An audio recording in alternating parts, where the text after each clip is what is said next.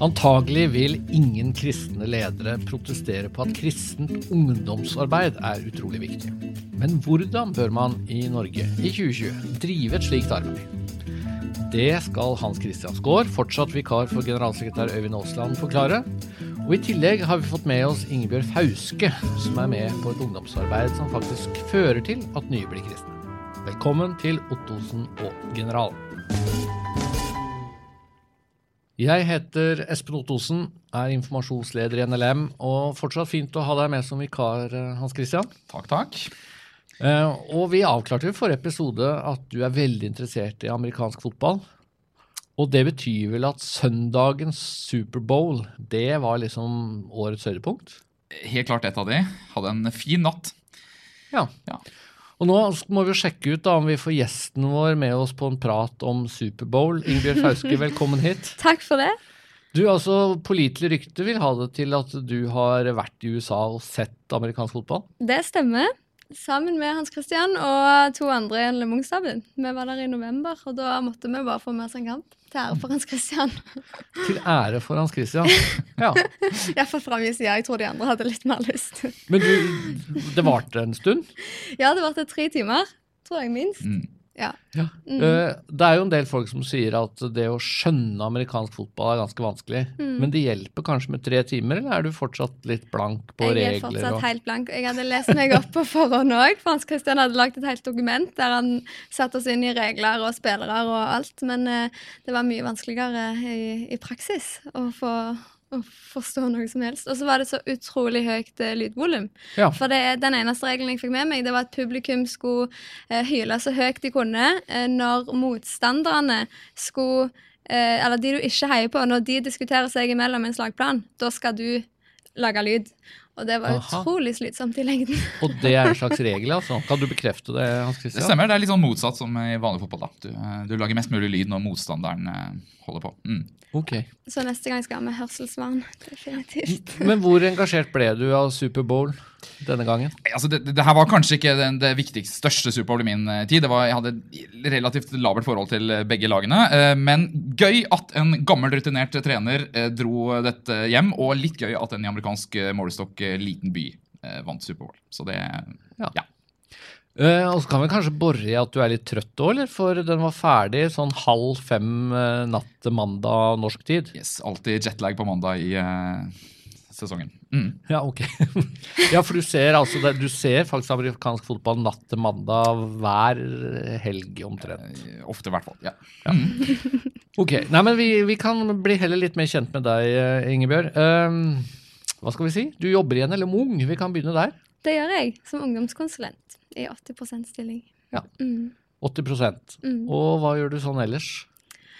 Da gjør jeg litt forskjellig. Jeg er aktiv i Young Life, som vi skal komme litt mer inn på. Og så tar jeg fag på Fjellhaug og på HLT, faktisk. Så tar både et masterfag i teologi der, og så et, eh, i år er det et fag i prekenlære da, på HLT. Mm. Ja. Men du er jo da eh, engasjert i kristent ungdomsarbeid. Eh, er du også vokst opp med kristent ungdomsarbeid? Ja, det vil jeg si at jeg er. Eh, spesielt eh, viktig tror jeg var ei huskirke som jeg fikk være med, med der vi var ungdommer og noen unge voksne som eh, tok seg tid til å gå dypere i Bibelen med oss og snakke med oss om tro. Så det var viktig. Og dette var på Vestlandet, det, Det skjønner stemmer. lytterne ut fra dialekten din, tror jeg. mm, Vokste opp på Tau. På Tau. Mm, Ja. Verdens navle. Mm. Det vet jeg. Det kan vi jo ta en diskusjon på, eller vi kan bare hoppe over det. Jeg har fått tunnel, fått vei dit nå. så det- Ja, sant, så mm. nå nærmer det seg faktisk òg. Ja, for det, det snakket vi jo ikke om sist, eh, Hans Christian. Vi, vi kunne jo liksom boret litt i alle dine interesser, men, men Det gjorde vei- vi vel egentlig godt sist, tror jeg. Men, ja, men vi var ikke så veldig innom Nei, eh, vi- veiinteressen. Ja da, nei, den eh, er på plass, den også. Mm. Men tunneler og veier og broer og den slags interesserer deg. Eh, Ikke ingeniørkunst, men eh, kommunikasjonsnettet, ja. Mm. Og du vet hvilken riksvei eller hva det heter for noe som går fra Tau til Full kontroll, det er eh, Highway 13 eh, i, eh, som surrer og går gjennom Ryfylke. Mm. Kjekt å vite. Ja, Det er ikke sikkert du hadde sånn Nei, tenkt nøye Det har jeg ikke. Før vi snakker mer om eh, kristent ungdomsarbeid, som altså er dagens eh, hovedtema, så pleier vi å ha en liten sånn aktuell runde, pleier vi å kalle det. Og Det har vært litt debatt nå, bl.a. i Vårt Land, om det å studere teologi.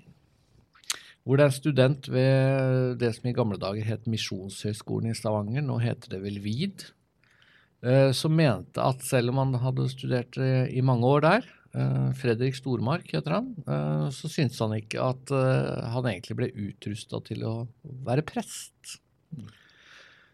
Og hva skal vi tenke om, om den debatten? Har han noen poenger, Hans Christian? Du har lest dette. Jeg har det. Jeg syns han treffer spikeren klokkerent på hodet, hvis jeg får, eh, får, begynne der. Eh, jeg må kanskje, før jeg, jeg, før jeg begynner på en, sikkert en eller annen tirade som kommer her, så, så, eh, så må jeg jo si, først og fremst si at jeg, jeg elsker jo teologistudiet. Jeg har, altså jeg har, studert på seks ulike teologiske institusjoner i Norge. Har du det? Jeg, har faktisk det. Og har er utrolig takknemlig for hver eneste institusjon og hver eneste fag og hver eneste lærer, hver eneste time jeg har hatt. Det har vært på for meg. Og så Jeg har faktisk et, jeg har studert bare ved to, da. Men ja. altså Fjellhaug og MF. Ja. Og det fins nok noen timer jeg ikke er takknemlig for, sånn egentlig, så jeg syns du drar på litt. Men, men okay, greit. Ja. uh, ja. Nei da. Men, men altså, jeg tenker hovedproblemet uh, til uh, teologistudiet er jo altså Eh, jeg opplever På sitt verste da, så, så, så, er den Jeg føler det er litt sånn der tysk-akademisk fangenskap det har havna i. Hvor det har eh, ja, altså mista Det blir for tørt? Det gjør fort det, altså. Det blir litt mye sits im leben og eh, eh, Ja, nei, men altså Det er eh, altså, Jeg føler På sitt verste så har det løs Altså, det har, har mista fokus på, på en måte løsrevet seg fra livet til vanlige folk. Eh, fra livet i kirken, fra livet i barnehagearbeidet og fra, aller verst kanskje, fra troslivet til de som mm. går der. Uh, og for å være helt ærlig, jeg, altså, jeg, kunne kost meg med om hele livet var en eneste lang teologisk-filosofisk uh, diskusjon. så hadde jeg, jeg, jeg elsker det. Men, men, det er et eller annet med, med at uh, teologistudiet bør noe mer enn bare problematisere og teoretisere og, måte, lede oss inn i en akademisk refleksjon om sjelesorgens vesen. Så, så, tenker jeg at altså, studiet må ja, løsrive seg fra litt sånn akademisk eh, jåleri. Feil å si det, men, men faktisk utruste oss til, til, det som er oppdraget vårt. Da, og, og finne tilbake til eh, ja, at stedet for teologien er i kirken. Og så får jeg også legge til at altså, til tross for det, så vil jeg allikevel løp til teologistudiet, folkens. Det er eh, det, det studiet varme, anbefaler varmest. Det er fantastisk flott. og, og for, også for, for, mitt trosliv så har, har, det studiet, og spesielt uh, tida på Fjellhaug, vært uh, noe av det viktigste jeg har gjort i livet. Så veldig glad for det. Har du lest uh, Stormark, Ingebjørg? Det har jeg. Ja, mm. du, Og du studerer jo på to teologiske institusjoner akkurat nå, du da. Både mm. Fjellhaug mm. og HLT, eller Høgskolen for ledelse og teologi. Mm. Og så driver du med ungdomsarbeid, det er det vi snart skal snakke om. Mm. Er, det, er det noe link her? Lærer du noe på disse studiene som du har nytte av når du skal drive ungdomsarbeid? Det vil jeg si at jeg absolutt gjør. Men jeg har ikke tatt fag direkte knytta til ungdomsarbeid. Men, eh, men, jeg har fått med meg masse som eh, jeg syns kommer godt med. Mm. Det vil jeg absolutt si. Men så skal det vel også sies at Stormark, altså det jeg selvfølgelig Eller selvfølgelig, ok, jo. Det jeg syns var aller finest med det han skrev, er jo at han, han uttrykte jo en veldig skepsis til et teologistudium som er veldig problematiserende i møte med Bibelen. Og det tenker jeg er ganske, litt, ganske opplagt. At hvis du velger å gå på teologistudium fordi du vil eh, fortelle om Jesus og bli utrusta til prest som forkynner og sånn, mm. og du møter teologer og professorer som er mest opptatt av å si at alt er veldig vanskelig og vrient, og det kan være mye i Bibelen som ikke er helt å stole på, så, så sier det seg jo selv at man blir jo ikke utrusta. Nei da, og så tror jeg det samtidig er viktig måte, å ha noe uh, At Man jobber også vitenskapelig, også med, med, med his, altså tenke på hva, hva hva, dette betydde i sin tid, og kanskje også tekstkritikk. altså Det kan være en del av teologistudien. Men her handler litt om balansen uh, og hva, hvor vi legger, legger trykket, for, for, min del. Mm. Mm. Da lar vi den debatten ligge, og så har vi fått snakka litt om eh, aktuelle ting i tiden. Og nå skal vi snakke om eh, ungdomsarbeid, om hva som faktisk fungerer. Og jeg kan allerede lokke også lytterne med at vi skal svare på noen spørsmål som vi har fått inn helt i det siste om akkurat dette.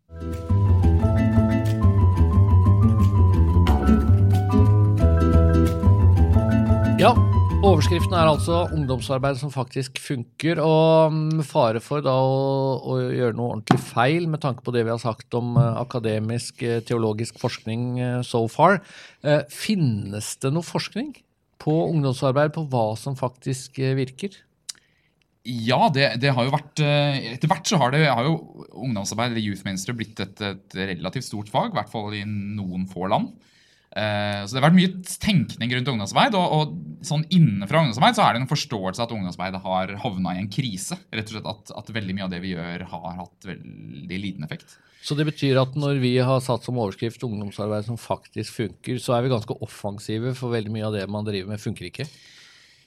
Altså, Ungdomsarbeid har jo alltid blitt altså, kritisert, ofte utenfra, men, men innenfra så har det også, altså På slutten av 90-tallet så begynte det å komme opp litt sånn statistikk om at, at, de aller fleste som var en del av barneungdomsarbeidet, forsvant fra menighetsliv så fort de, de, ble litt eldre. og Da begynte det å komme opp en del alternativer til hvordan vi kan drive isteden. Uh, ja. Og også en del konkret forskning. altså på, på uh, og nå, nå, vil jeg bare legge til og kanskje også si at Det er jo ikke sånn at dette her er en erstatning for Den hellige ånd. Det er jo fortsatt ikke sånn at måte, det er forskning vi går til for å finne at det løser alt. Men jeg tror allikevel det er ikke tilfeldig eller likegyldig da, hvordan vi forkynner og hvordan vi legger opp arbeidet. Uh, ja. Nei, for det er jo rett og slett en del praktiske ting også som er ja. viktig. og, og og inviterer man først og fremst til pizza, eller inviterer man først og fremst til bibeltime? Det er jo to ganske forskjellige ting. Og så ja. er det mye annet å diskutere også, da, og det skal vi jo, skal vi jo gjøre. Men uh, apropos forskning. altså Dere har jo allerede fortalt at dere har vært sammen på amerikansk fotballkamp i USA. Men det mm. dere egentlig var der på, var en stor konferanse, ikke sant? Mm. Blant annet. Vi gjorde litt mer der. Men uh, vi var det, og det handla også mye om forskning. Lær, ja. Lærte du noe, Ingebjørg? Ja, det gjorde jeg. Masse. Ja. Det som var stas for min del, var med min bakgrunn i Young Life, så har jeg lært en del ting der. Og så har jeg kanskje tenkt at eh, dette er noe som Young Life har dyrka fram og lært gjennom å gå til ungdom som ikke går i kirka. Men så når jeg kom der, og veldig mange av de som var på seminaret, de som forsker på dette, og som gir ut bøker på dette, og, og sånn, så det jeg satt igjen med, var at en er fryktelig enige om hvordan vi skal nå ungdom i dag. Eh, så det var kanskje det største for min del, å se at, eh, at det er noen sånn prinsipper eller grunntanker da, som er mm. veldig viktige, og som vi er enige om. Mm. Nå har du nevnt Young Life uh, noen ganger, så bør vi kanskje forklare da, for sikkerhets skyld, hva er, hva er Young Life for noe? Um, først og fremst er det en verdensvid ungdomsorganisasjon som finnes i over 100 land, og som uh, har oppstått det var vel ca. 100 år siden, kanskje litt mindre. Eh, en mann som heter Jim Rayburn, som så, eller pastoren sa til han at vi tar vare på ungdommene i vår kirke, nå skal du gå ut og nå de som ikke går her. Og så ut ifra den bevegelsen som så oppsto Young Life, da, så har Så Det er et veldig sånn utadretta ja. ungdomsarbeid. Ja. Spesialiserer seg eh, på ungdom som ikke møter opp i kirka sjøl. Og mm. de har da arbeid f.eks. i Oslo, som du er med på? Mm. Mannen min eh, leder arbeid i Young Life Oslo, så der, der går det mye tid og mye ja, og så er det en link, Hans Christian, det må vi få fram, mellom NLM Ung og Young Life, og mellom NLM og Young Life. Mm. Ja da, er, Young Life er jo eh, samarbeidet med ganske mange, men, men, også tett med oss. Vi har vært med på å eh, bidra med litt finansiering av, av stillinger og sånn der. Mm. Men det, det, som blir litt fristende å snakke litt om nå, er jo at uh, nå snakker vi om utadretta ungdomsarbeid. Viktigheten av å, å, kunne nå mennesker som ikke er kristne, som kanskje da ikke er vokst opp med noe kristendom. Det er det Young Life driver med. Mm. Men så er det sikkert mange lyttere og seere som tenker at ja, men det ungdomsarbeidet jeg har hørt om eller vært involvert i, det har jo egentlig handla om å ta vare på de som kommer fra kristne familier eller har en kristen bakgrunn, eh, og prøve å, å, å hjelpe de til å få en moden tro, da. Mm. Kan man gjøre begge deler på én gang, eller må man, må man, skille mellom ungdomsarbeid som skal nå nye mennesker, og ungdomsarbeid som skal egentlig ta vare på de som allerede er med i kristent arbeid på et eller annet vis, de som har søndagsskolen med med mm. seg? Jeg tror at det kan være nytt viktig å ha begge strukturene for å liksom få, få vite hva som er sin hovedmisjon. Men jeg tror at begge strukturene trenger hverandre. At hvis, hvis de som driver arbeid i kirka, ikke har en tanke om å nå nye, eh, så tror jeg det arbeidet stagnerer. Og jeg tror det er usunt for ungdommene som er med i det arbeidet, hvis ikke det har ei hånd ut mot andre som ikke tror. Og så tror jeg at Young Life f.eks. er helt avhengig av at det drives god ungdomsarbeid rundt om i kirkene. For vi ønsker å lede folk til menighet. Og hvis det ikke da er eh, kirker å lede de til, Mm. eh, som tar imot de, så blir det fryktelig vanskelig å være Life-guide. Så det betyr at dere jobber på en måte med å da nå mennesker som, som og ungdommer da, som ikke har noen kristen bakgrunn, Mm. men når de viser seg å være interessert, eller Mm. når de signaliserer at ja, vi ønsker å være kristne, Mm. så må de inn i noe mer etablert da. Ja, vi driver jo med noe trosopplæring. Vi går dypere i Bibelen eh, osv. Og, så og da eh, finner de jo fort ut at en viktig del av det å være kristne er høre til Mm. eh, Jesus i kirka. Eh, så det, da, da har vi lyst til å lede de til det. Eh, og så er ikke målet nødvendigvis at de begynner å gå i samme kirke som jeg går i, men, eh, men ofte så er det jo det som skjer, da. Eh, Men når du sier krise, at uh, man har vært litt enige om at det har vært krise i ungdomsarbeidet, um, har det vært fordi uh, ungdomsarbeidet en del steder bare har vært uh, pizza og bordtennis, og det funker ikke så veldig bra hvis folk skal bli bevisste kristne, tydelige kristne? Jeg tror nok det er en del av pakka. Altså, det er jo også den litt sånn aktivitets-event-orienterte ungdomsarbeidet eh, som er veldig opptatt med å gjøre kveldens eh, ja, møte tidenes happening. Eh, jeg vet ikke, I USA kalles det gjerne en Mac Disney Youth Ministry, altså et sted med, med dårlig mat og underholdning som, som hovedfokus. Mac Disney. Eh, Ja. Yes. Eh, så, så det er jo på en måte en del av pakka. så vil Jeg altså, jeg tror liksom det, er, det er den der spenningen Nå nevnte du liksom den klassiske ungdomsklubben, som liksom er eh, jeg, jeg tror kanskje det også er litt sånn der resultat av at vi kommer litt sånn der etter de store vekkelsestida, da, hvor man hadde lærte seg opp til at måten å lede mennesker til tro på var å bare få det inn i huset. Og så kom det en eller annen fyr, og så skjedde ting av seg sjøl. Eh, og så plutselig er vi i en annen kontekst hvor, hvor veien er litt lenger. Eh, som gjør at, på en måte, ja, at veldig mange strategier har stoppa opp da, med bare å få folk inn i huset. Eh, men bare når det er sagt, så tror jeg at ungdomsklubben har det, det, jeg tenker, For meg så er alt dette her det er ulike verktøy. Eh, og noen, også det er, De har ulik hensikt. da. Altså En ungdomsklubb med pizzabiljard er et fantastisk verktøy for å nå bredt ut. For å tilby et diakonalt arbeid i ei bygd, f.eks. Eh, men ofte så må det noe mer til da, for å lede mennesker eh, ja, tettere inn i tro. Mm. Men det betyr at det, det dere egentlig sier, er at uh, ungdomsarbeid bør ha flere aspekter. da. Altså Det må både være noe som handler om å kanskje da ha en lav terskel og få kontakt med folk. Og da kan man ikke akkurat invitere til bibeltimer på bedehuset. Men de som da ønsker å være kristne, de må også få tilbud uh, som handler om uh, om disippelgjøring, om undervisning, om ja, bibeltimer og weekends og, og den slags. Det, ja, det er akkurat det. Og så tror jeg òg at de trosopplærende tilbud, og at de òg Det er ganske små grep som skal til der for at eh, det òg blir lettere å være der om en er ny i troa, eller om en er nysgjerrig på troa. At det handler litt om språket vi bruker, og Og kanskje da Eh. ikke bibeltime i 40 minutter? At man kan ha mye innhold selv? ja, da skal du om være litt god å formidle, kanskje. Og så Ja. skal du kunne forklare hvorfor vi snakker om det vi snakker om, eh, og trekke tråder til, til livet her i dag.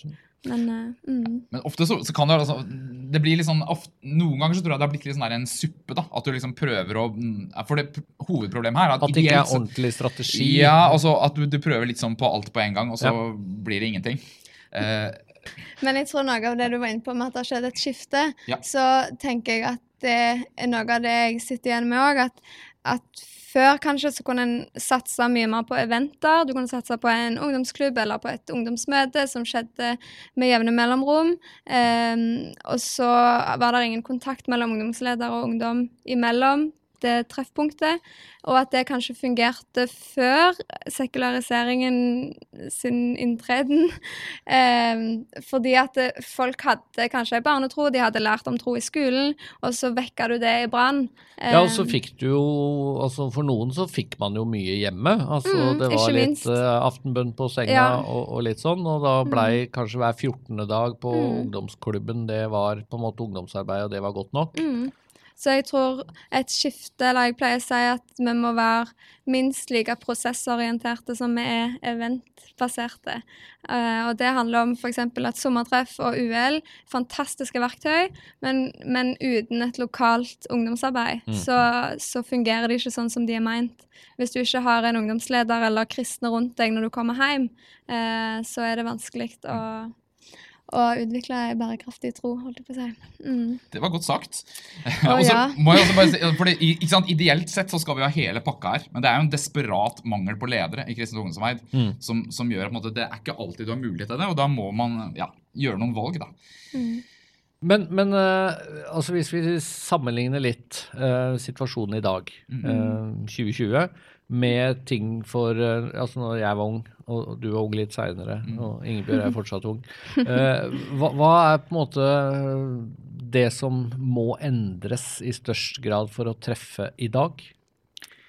Pete Ward, en britisk professor i ungdomsarbeid, han sier at han tror det trengs eh, fem ledere per ungdom heller enn én leder per ungdom. Eh, nei, én leder per femte ungdom.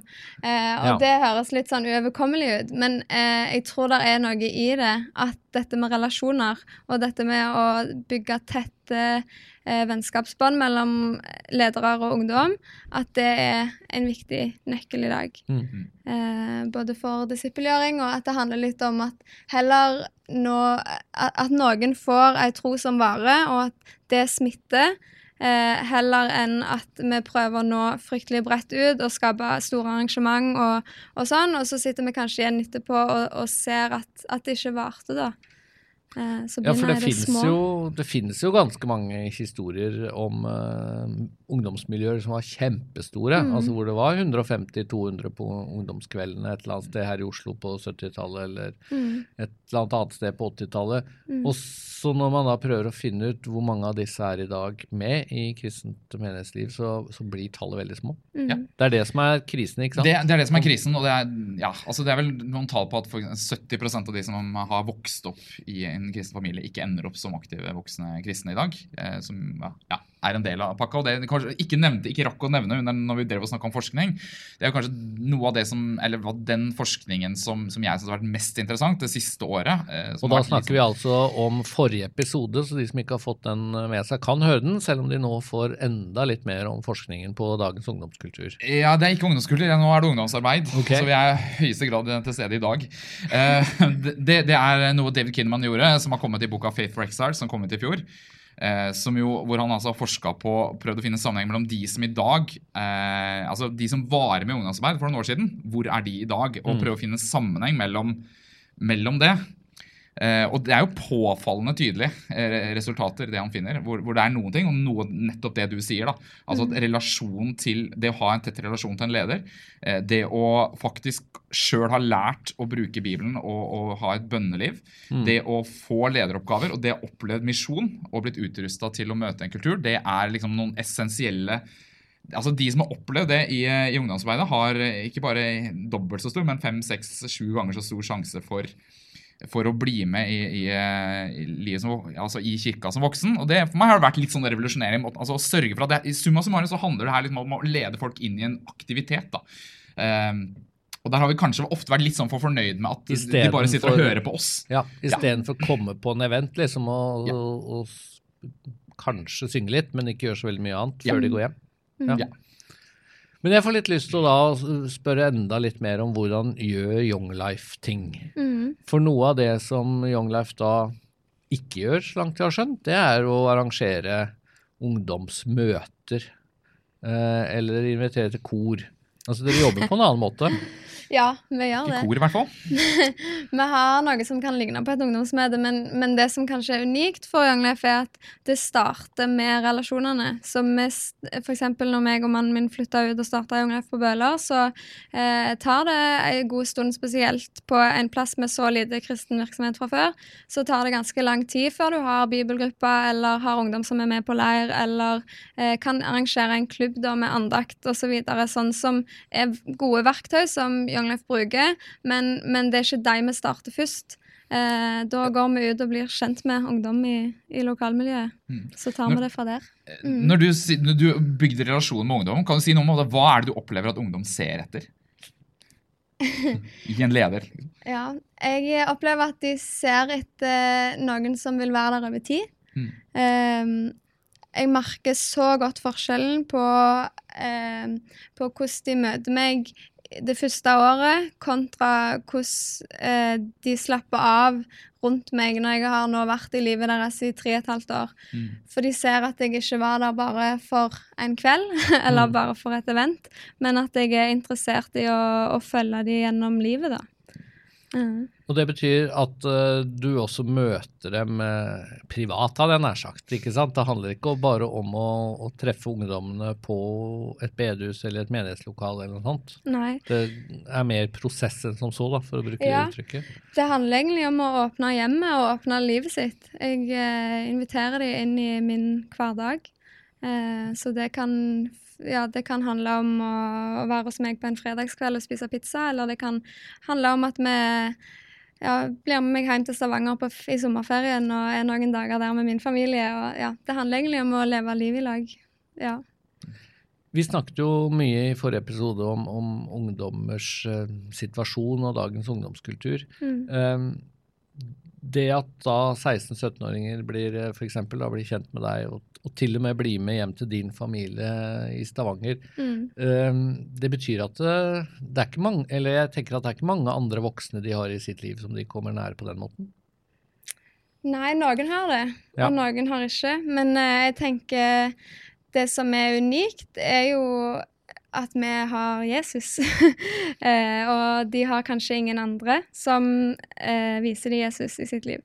Så det tenker jeg er det mest unike. Og så er det òg sant, sånn som du sier, at veldig mange av de ungdommene jeg treffer, har ingen andre voksne som kanskje stiller de spørsmålet om hvordan det går, eller eh, så, ser noe i de da. Eh, og tåler kanskje òg at de oppfører seg som idioter av og til. Mm. Eh, og at en er tålmodig uansett, da, og bryr seg uansett.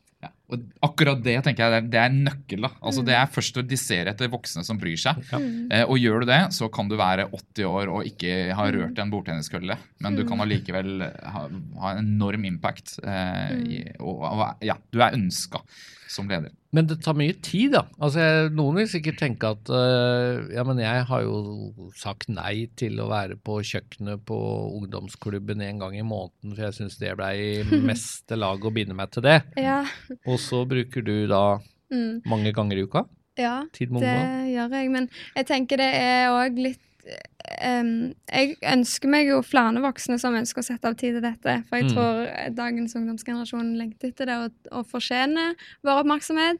Uh, men så tenker jeg òg at em, at det blir litt unikt med den gåstrukturen da, som Young Life er, og at noen må gjøre det, og noen skal gjøre det. Men så tenker jeg f.eks. at det ikke er uoppnåelig for en ungdomsarbeider i ei kirke å møte opp på en fotballkamp en eller to ganger i halvåret bare for å vise at en er opptatt av ungdommene sitt liv, eller å hilse på foreldre, eller sånn. Så selv om Young Life eh, på en måte legger mye vekt der da, og det tror jeg er bra, Mm. eh, men at det, det går an å gjøre dette her i en mer moderat form innenfor eh, et eh, ungdomsarbeid i kirka òg, da. Når du nevner foreldre her, si, har du noen gang fått sånn kritiske spørsmål fra foreldre? liksom? Hva er det liksom, ja? Sånn, begynner å spørre om denne relasjonen når det er, begynner å bli litt avstand i alder og sånn? Ja, eller veldig lite sånn eh, eksplisitt, men at foreldrene definitivt syns det er litt rart i starten. Mm. Men, men for min egen del så har det bare vært positive opplevelser. At de blir så utrolig rørt og glad over at noen har lyst å bry seg om deres unger. Mm. Eh, men så har jeg andre Young som har opplevd mye mer krass kritikk, fordi at kanskje spesielt fra foreldre som er kjempeskeptiske til kristen tro. da. Eh, men der tenker jeg òg at vi kan ikke backe unna av den grunn, og at vi kan vise respekt, Mm. men fortsatt ha, ha lyst til å vise hvem Jesus er, da, selv om noen syns at det er feil. Men nå har vi lovt da i denne episoden at vi skal snakke om ungdomsarbeid som faktisk funker. Ja. Og nå forteller jo du litt om hvordan dere jobber. Mm. Eh, jeg håper å si, Hvorfor er du trygg på at det funker? For Hva, hva ser du? utrolig mange kommer til tro. Mm. Eh, jeg ser at eh, at det blir ei tro som varer òg. Nå starta de Young Life i Stavanger for en del år siden. Så de som ble kristne der, er like gamle som meg nå. Og har vært kristne i åtte-ni år. Og de leder nå nye til tro og bruker minst like mye tid sjøl som, som det deres ledere gjorde for de. Eh, og bare det å få være med, det er bare noen måneder siden jeg var med dem i bibelgruppa, og det å få se tre jenter som har vært kristne i seks, syv, åtte år, sitte og lede inn i bibel og bønn Mm. og svare på spørsmål. og jeg føler at de er klokere enn jeg noen gang kommer til å bli, og jeg har vært kristen hele mitt liv. Og så ser jeg noen som har fått ei sånn tro som inspirerer og utfordrer meg til de grader. Og se at det kan skje, og at, at en kan få en sånn omvendelse, da. At, at det livet du levde før, er, faktisk ser helt annerledes ut enn det du lever nå. Fordi Jesus kom, kom inn i bildet. Mm. Mm. Jeg syns det var en veldig god oppsummering av eh, at det faktisk eh, funker. Mm. Hva tenker du Hans Christian, du leder NLM Ung. Mhm. Hva, hva er strategien, tanken i NLM Ung for å sørge for at ungdomsarbeidet i NLM faktisk fungerer? Vi er jo misjonsorganisasjon i vid form, så vi, vi tenker jo å gå eh, At oppdraget vårt er å eh, eh, ja, gå ut og møte eh, verdens nød og, og møte de behovene som fins ute i verden. Eh, og samtidig eh, at misjonsbefalingen også leder oss innover. At vi, er på jakt eh, etter å utforske mer av, av Guds kjærlighet, Guds omsorg, Guds hellighet, Guds nåde, og at de skal også få gi mennesker et håp for, eh, for framtida. Så den der balansen mellom der, jeg tror det er at de to tinga henger sammen. da. Altså At jeg opplever Nå, vi, nå, det er når vi på en måte drives ut i og er ute i felt, at vi merker at vi trenger Gud. Og så er det en- Når du søker inn i evangeliet, så vil du fort bli sendt ut til verdens nød. Mm. Det tror jeg er veldig sant. Og har man da splitta det litt for mye? Jeg tror nok det. Mm, vi, og for å si sånn, Jeg tror ikke det her bare gjelder ungdomsarbeid. Jeg tror dette her også gjelder voksne. da. Eh, at vi kan ha større ambisjoner enn at eh, folk bare får de rette meningene eller sitter, og, sitter pent og, og lytter. Eh, ja, Og kanskje setter sette på kaffen. Og det betyr at at altså, i det øyeblikk man blir si, styrket, inspirert, man kommer dypere inn i troen, så vil det også føre til et, et ønske om å dele uh, tro og et ønske om å engasjere seg. Mm. tenker det er naturlig, ja. Ja. Mm. Um, vi avslutter denne podkasten med tre spørsmål som uh, vi har fått inn via Facebook, som handler om ungdomsarbeid. Og da får vi prøve å hjelpe hverandre da, til å svare så godt vi kan. Spørsmål nummer én. Enkelt og greit sånn. Hvordan kan man på en god og sunn måte lære ungdom hvilke konsekvenser det får for livsførselen at man er kristen? Ja. Sunn og god måte at det får konsekvenser for livsførselen at man er en kristen. Og det betyr jo eh, kanskje i dette spørsmålet at eh, det kan være en fare da, for at man gjør kristendom bare til teori. At det bare handler om å, ja som du sa akkurat i stad, bare ha noen meninger, eller eh, ja, da mene at Gud fins og Bibelen er en bra bok og, og Jesus eh, var Guds sønn. Um, jeg tenker jo i hvert fall som en, et start på svaret, da, at, mm. at det å faktisk si at kristendom handler om, eller egentlig er noe helt annet enn teori som man tror er sann, det er utrolig viktig å prøve å kommunisere. Mm. Jeg tror òg det handler mye om, om lederne eller forbildene som, som ungdommene har.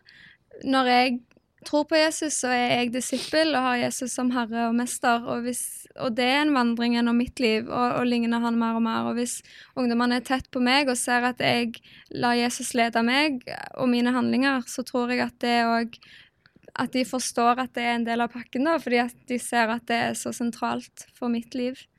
så det òg tror jeg er en, eh, en viktig nøkkel. Ja. Men til det spørsmålet så er det litt sånn fristende å spørre. Du henger da med, med ungdom som ikke nødvendigvis har en tydelig kristen bakgrunn på Bøler, et drabantby i Oslo. Ja, de fleste er muslimer. Ja. Mm. Er det, altså, er det stor forskjell i, i um, livsførsel, da, som er stikkordet som ble brukt i ditt, dette spørsmålet, mellom ja, muslimer og, og andre fra, fra Bøler, og, og, og, og det du tenker at uh, dette er kristen livsførsel? Ja, det vil jeg si. Hva, Mm. hva merker man tydeligst? Kanskje mm, meningen med livet er vel én ting. Ehm, at jeg har noe større å leve for, og et større, en større tanke om mitt liv. Mm. Eh, og at Jesus skal få lov til å leve gjennom det. Eh, og det får utslag i hvordan jeg bruker tida mi, hvordan jeg bruker pengene mine, hvordan hjemmet mitt eh, Hvem som får komme inn der, holdt jeg på å si. Eh, jeg tenker at min leilighet er Guds sin, og da er alle velkomne. Mm.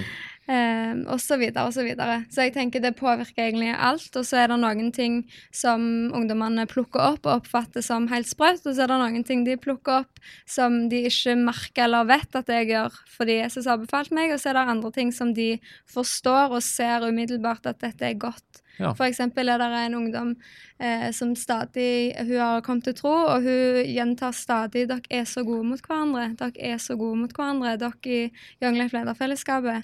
Eh, og det er noe som vi har bitt oss merke i, da, at hun har fått sitt og erfare en annen kultur om hvordan vi snakker til hverandre Mm. i forhold til det miljøet som hun kommer fra.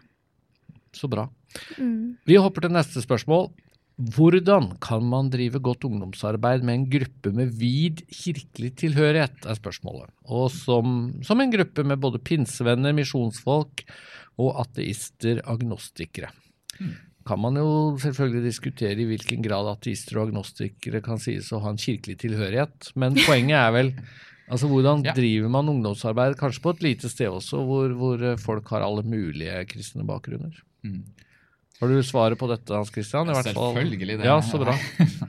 Nei, det, det er jo vanskelig spørsmål her, men, men eh, eh, jeg har jo for, altså, for det første, Hvis vi begynner nøyer oss med den der litt sånn vi kirkelig kontekst først, så, så er vel eh, Jeg har jo vært med på å drive noen ganger sjøl, og det er jo stort Jeg opplever det relativt greit, altså, for det er jo veldig sjelden man graver veldig dypt ned i virkelig intrikate teologiske spørsmål, i hvert fall i tenåringsarbeid, sånn tidlig fase. Der er, handler det mye om Jesus og Man altså, trenger ikke å diskutere dåp og Nei, endetid kan, og eh, Israel sånn veldig høye. Det kan høye. komme litt etter hvert. Ja.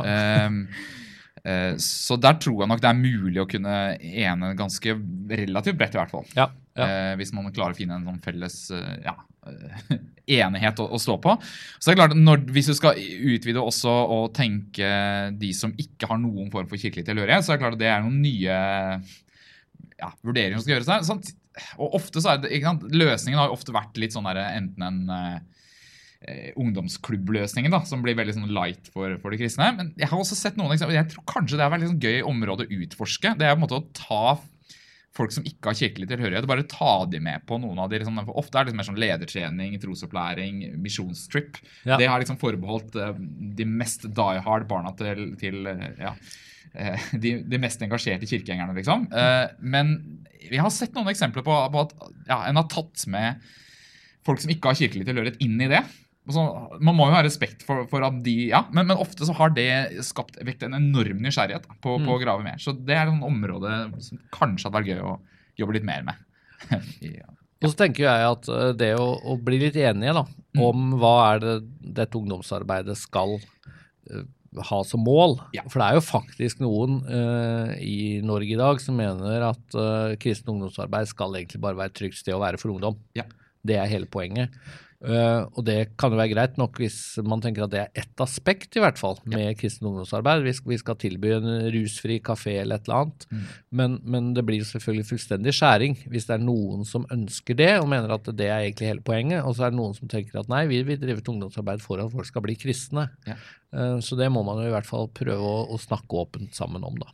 Mm. Det er viktig, og Begge deler kan være viktige. Men jeg kan også legge til og jeg tror kanskje også i vår tid at det, er, det, er en, det krever nok noe mer også dialogform. da.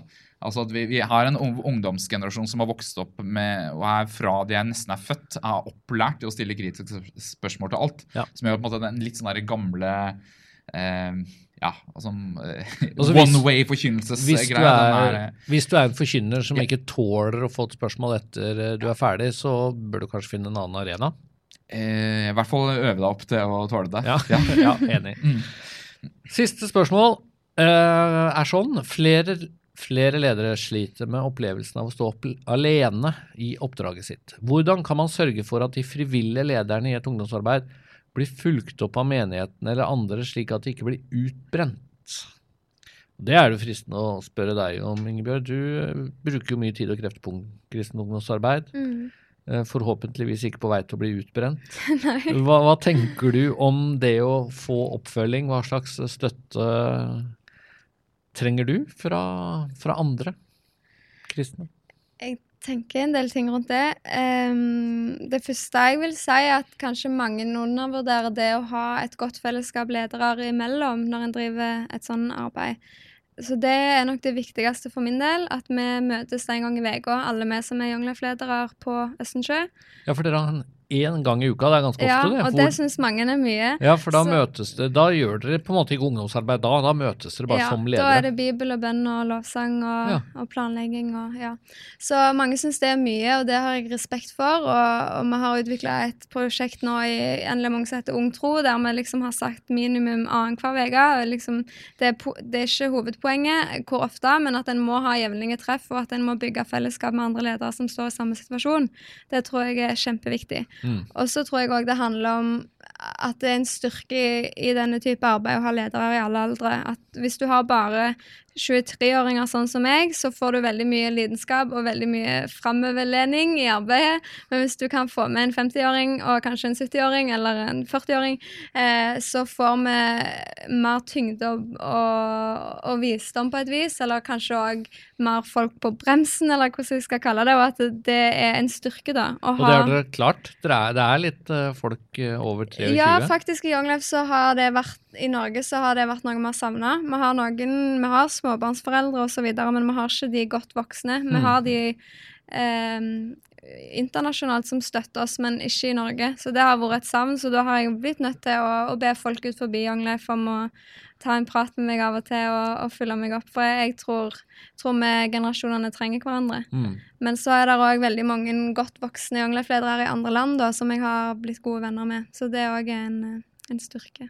Så det kan du vite. Om du er gammel, du er etterlyst. Definitivt. Ja, og Mm. for å si sånn, altså, En ting er at vi ønsker flere i arbeidet, men jeg tror- tenker også at eh, det er ganske mange ting som det er mu hadde vært fantastisk om det er noen eldre mennesker som hadde vært villige til å avlaste ungdomsarbeidere med, sånn at de fikk mest mulig tid til å bygge relasjoner. Altså, Det er mye administrativt arbeid rundt det her. Så det er sånn, om du hater å henge med ungdommer, så oppsøk en ungdomsarbeider og spør om det er, er det noe du kan bidra med. For det vil det være. Støttefunksjoner. Ikke minst, og noen som er med og heier og ber for, eh, for ungdomslederne. Mm. Det ønsker vi også. Ja, men Det er en fin måte å avslutte på. Vi eh, setter strek for en viktig episode om eh, ungdomsarbeid. Tusen takk, Ingebjørg, for at du var med oss. Takk for at jeg fikk være her. Veldig fint. Og Var flink, var du ikke? Jo, kjempe, dette gikk kjempebra. Og så er det jo trist å melde at du, Hans Christian, er ferdig med din eh, vikarperiode. Men vi får ny vikar i neste podkast. Enda bedre. Det er bare å glede seg. Ja, vi får se. Ja. Han, jeg vil si han hopper etter Wirkola, men eh, vi får gjøre det beste ut av det. Takk for eh, praten. Yes. Ha det bra. Dette er Ottosen og generalen, en podkast fra Norsk Luthersk Misjonssamband. Hør han på iTunes og Spotify, eller se dem på YouTube og nlem.no.